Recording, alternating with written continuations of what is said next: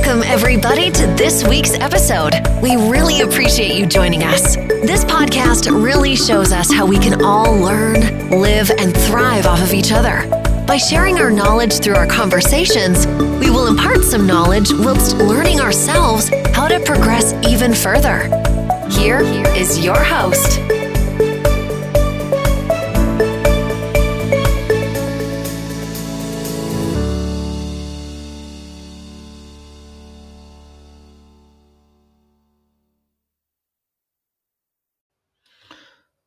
Goeiemôre aan my luisteraars en welkom by nog 'n podcast episode uit die mond van die apostel. Nou vandag wil ek met julle gesels rondom hoe lyk jou saailand? Nou dis belangrik om hierdie vraag aan jouself te stel want jou saailand bepaal die oes wat jy gaan ontvang. Nou in vandag se episode gaan ek met julle twee verskillende saad bespreek, naamlik geestelike saad en dan ook finansiële saad. Nou Galasiërs 6 vanaf vers 6 tot 8 sê dan moenie julleself mislei nie. God laat hom nie met hom spot nie. Wat 'n mens saai, dit sal hy ook oes. Dan wie op die akker van sy sondige natuur saai, sal van die sondige natuur dood en verderf oes. Maar wie op die akker van die gees saai, sal van die gees die ewige lewe oes. Nou hier sien ons baie duidelik dat wanneer ek dan in die vlees gaan gaan saai, vreeslike saad, dan gaan ek ook 'n vreeslike opbrengs hê, naamlik dit gaan sondige natuur wat dan um, my oes gaan bepaal. En die woord van die Here sê dan ook vir ons dat hierdie sondige natuur dood en verderf oes. Maar hy sê dan wanneer ek ook op die akker van die gees saai, sal van die gees die ewige lewe oes. Met ander woorde hier sien ek dan wanneer ek in die gees saai, ontvang ek ewige lewe. Dis die oes wat ek ontvang, ewige lewe. En daarom is dit ook net so op jou finansiële saad wat jy saai. Maar belangrik om te weet, 'n boer gaan nie net eenvoudig saai nie. Hy berei sy grond voor. Hy wil seker maak hierdie grond lewer die beste oes wat hy as 'n boer kan voorbeplan. Hy kan natuurlik nou nie voorsiening maak vir al die natuurrampe en die dinge wat kan plaasvind nie, maar hy weet hy gaan alles insit om te verseker dat hy dan 'n goeie oes kan hê. Hy gaan nie net eenvoudig nou die saad vat en hy saai sommer maar net links en regs en kyk, ag, kom ons kyk nou wat kom op nie. Nee, die boer het 'n verwagting. Sy verwagting is hy wil 'n goeie oes hê. Maar hy weet om te verseker om 'n goeie oes te kan ontvang, het hy nodig dat hierdie grond moet reg wees, hierdie grond moet voorberei wees. En net so is dit in die geestelike lewe. Ons moet ons lewens voorberei in die gees en nie in die vlees nie. Want die vleeslike saad kan nie met die geestelike saad saamgaan nie. Dit gaan nie werk nie. En daarom is dit belangrik vir u en vir my is wanneer ons in die gees saai, sal ons ook in die gees maai en dit is dan ook die oes wat ons sal ontvang is dan ewige lewe. Maar wanneer ek dan nou in die vlees gaan saai, gaan ek in die vlees maai en dis die sondelike verderf, naamlik die dood. Maar dan leer ons ook in 2 Korintiërs 9 vers 10. God voorsien die saad aan ons. Hy sê God wat die saad verskaf om te saai en brood om te eet, sal ook aan julle saad gee en dit laat groei en julle vrygewigheid 'n ryke oes laat oplewer. En hier sien ons dan nou ook dat die Vader gee nie net vir ons se oes nie, maar hy gee ook sommer vir ons die saad. Is dit nie awesome nie?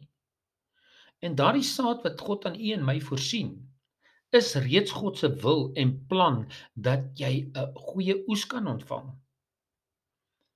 Maar van jou kant af is daar ook 'n werkie. Jy moet seker maak dat jy op goeie grond saai. Jy moet seker maak daar waar jou saad val, dat daardie saad 'n goeie opbrengs kan lewer en dat dit nie deur die voëls opgepik gaan word en deur die son verbrand word en deur die bossies doodgedruk word nie. Maar dat hierdie saad op so 'n plek val dat dit net die beste oes kan lewer. En dan hoe dan nou anders as Vader vir ons hierdie saad gee om te saai. Maar nou kry ons en ons sien ook dan daar is mense wat nie graag wil saai nie God voorsien die saad, maar hulle is nog net steeds so bang om te saai of hulle saai op verkeerde grond. Hulle saai miskien op plekke waar hulle nie veronderstel is om te saai nie. Hulle saai dalk met hulle dobbel. Hulle geld gaan in dobbel in of dit is ander aan goed wat gekoop word of losbandigheid wat daardeur plaasvind. Daardie saad kan nie 'n opbrengs lewer wat geestelike oes kan verseker of enigstens vir u 'n geseënde oes wees nie.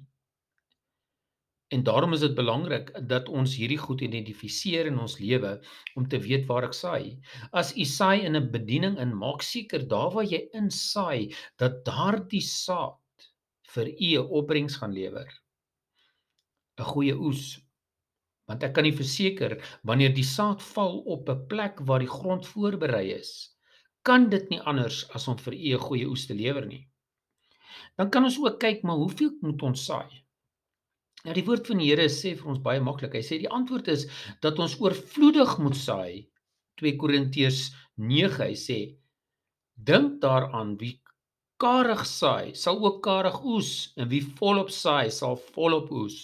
Nou hier sê die woord van die Here en leer vir ons dan ook ag as jy maar net 'n bietjie saad gaan insit, dan moet jy nou maar verweet jy gaan net 'n klein oesie ontvang. Jy kan tog nie verwag om 'n klein bietjie in te sit om 'n groot oes te vervang nie. Dis nie moontlik nie. U moet ook dan nou weet dat wanneer u saai, moet u oorvloedig saai. Spreuke 11 vers 25 sê: "Wie ander voorspoed gun, sal self oorvloed hê. Wie die dors van 'n ander les, sal self genoeg kry as hy dors is." Jesus sê in Matteus 7 vers 2, hy sê vir ons: "En met dieselfde maat waarmee jy vir 'n ander meet, sal vir julle gemeet word." Nou ek leer dit so baie vir die jong mense dat hulle moet onthou op dieselfde manier wat hulle oor 'n ander een praat of van 'n ander een dink, gaan ook hulle oor gedink en oor gepraat word. God gaan kyk op dieselfde manier na u en my. En dan weet ons dan dat hierdie saad is van kardinale belang. En dat saad se doel is om 'n oes te lewer. En dis dis vir ons belangrik om te weet dat waar ek my saad saai, daardie grond moet 100% voorberei en reg wees. Dan gaan u 'n oes sien wat u nooit verwag het nie. En belangrik jy moet ook 'n verwagting hê.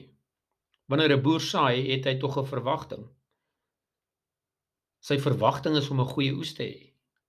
Dit help nie hy gaan saai en hy en hy uit uh, um ongeloof in hom en en hy glo nie dat hy werklike oes gaan hê nie.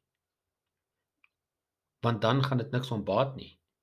Hy moet 'n verwagting hê wanneer hy daai saad in die grond sit en weet maar hier kom 'n goeie oes vir my. En dan sien ons ook hoe moet ons saai? Met vreugde.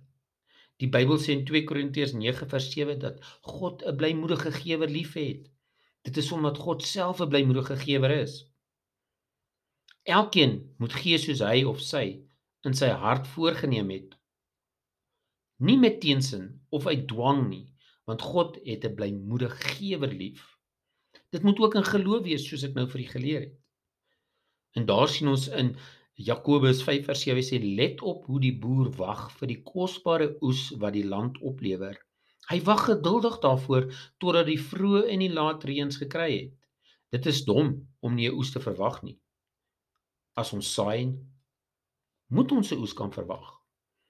Kan jy nou 'n boer vir jouself voorstel wat saad in die grond insaai en hy verwag geen oes nie?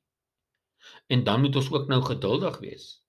'n Boer weet hy kan nie die prosesse aanjaag nie. Hy weet daar's 'n sekere tydperk gekoppel aan hierdie ou saadjie om te ontkiem en dan te ontkiem tot hierdie plantjie wat groei en 'n groter saadhoes gee. En daarom is dit belangrik dat as ons kyk na Galasiërs 6:9 sê, laat ons dan nie moeg word om goed te doen nie, want as ons nie verslap nie, sal ons op die bestaande tyd ook die oes insamel. Hoe mooi is dit nie? En dan weet ons ons moet ook saai in die geheim volgens Matteus 6 vers 4. Hy sê: "Jou Vader wat sien wat verborge is, sal jou beloon." Nou dit is van toepassing op ons gawes, ons gebed en al ons goeie dade. Die grootste oes kom as niemand weet watter goeie dade ons in die geheim doen nie. Want Jesus sê ons linkerhand moet nie weet wat ons regterhand doen nie. En dit is ook dan belangrik. Die volgende belangrike punt is wanneer moet ek saai? Nou dit is duidelik dat 'n boer nie sy saad kan saai wanneer hy net wil nie. Dit moet die regte seisoen wees. Gewoonlik word koring in die winter gesaai en in die somer geoes. Nou om hierdie vraag te beantwoord, moet ons eerstens na die gereelde roetines kyk. Wanneer om te saai? Tweedens moet ons vrede in ons hart hê wanneer ons saai. Nou ons kyk in Jesaja 55 vers 12. Hy sê: "Staan julle in vrede gelei word." Met ander woorde, ons saai nie wanneer dit veroorsaak dat ons in vrede sal verloor nie. Kor 2 Korintiërs 9 vers 7 sê ons moet nie met teensin of uit dwang gee nie. Nou aan die ander kant moet ons soms saai as ons omstandighede nie geskik is nie of dit ongeskik is nie. Ons lees dan in Spreuke 20 vers 4 sê 'n leier ploeg nie in die saad saaityd nie en hy soek ook nie die oestyd na iets wat na daar is nie. Alhoewel ploeg hier te sprake is, sal ons gewoonlik in dieselfde seisoen dat ons ploeg. Hy moet gewoonlik in die winter wanneer dit koud en ongerieflik is ploeg. Nou dikwels is dit 'n goeie tyd om te saai wanneer daar nie veel getuienisse van seën en deurbraak is nie. Byvoorbeeld as daar min geleenthede is om te preek, is dit 'n goeie tyd om preke voor te berei. Ons lees dan ook in Prediker 11 vers 4 wie die wind bly dophou, saai nie na die wolke bly kyk oes nie. Nou hier sien ons baie verskillende skrifverse en ek kan nog baie skrifverse vir julle aanhaal dat daar vir ons 'n voorbeeld gestel is waar volgens ons moet ons oesland bereken. My saailand moet voorberei wees. En ek kan net die oes verwag vir die saad wat ek insit. As ek aartappels saai, gaan ek aartappels oes. As ek koring saai, gaan ek koring oes. Ek kan nie verwag om aartappels te oes as 'n koring gesaai het nie. En dan weet ons soos ek nou gesê het, is belangrik om te weet as jy maar bietjie saai, gaan jy ook maar net 'n klein oes hê. Maar as jy groot saai, gaan jou oes ook groot wees. En in hierdie beginsel is dit wat u en ek as gelowiges moet inleef. Baie mense, die woord van die Here sê hou terug tot hulle eie gebrek. Nou baie verwys na tiendes. Ek verwys nie na tiendes nie, want tiendes word tog maar as 'n Ou Testamentiese beginsel.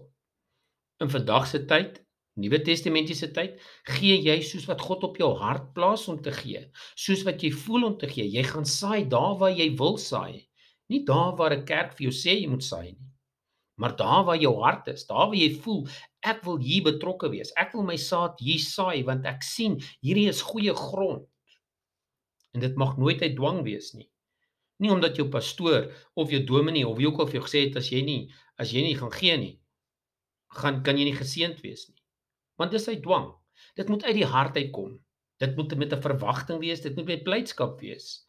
En wanneer ons hierdie dinge uitoefen in ons lewe, dan gaan ons die opbrengste kry wat God ons mee toevertrou.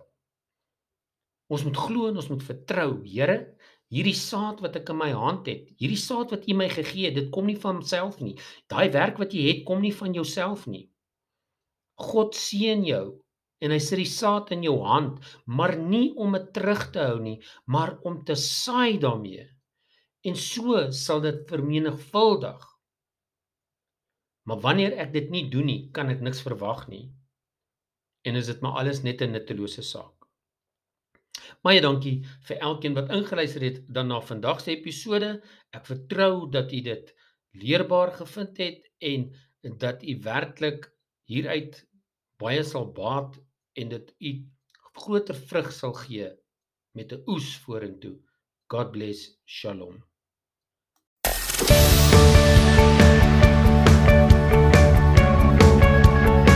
This week's episode has come to an end. But the fun doesn't have to stop here. If you have any questions, suggestions, or feedback, head over right now to Twitter and Facebook and like, share, and get involved. Join us next time.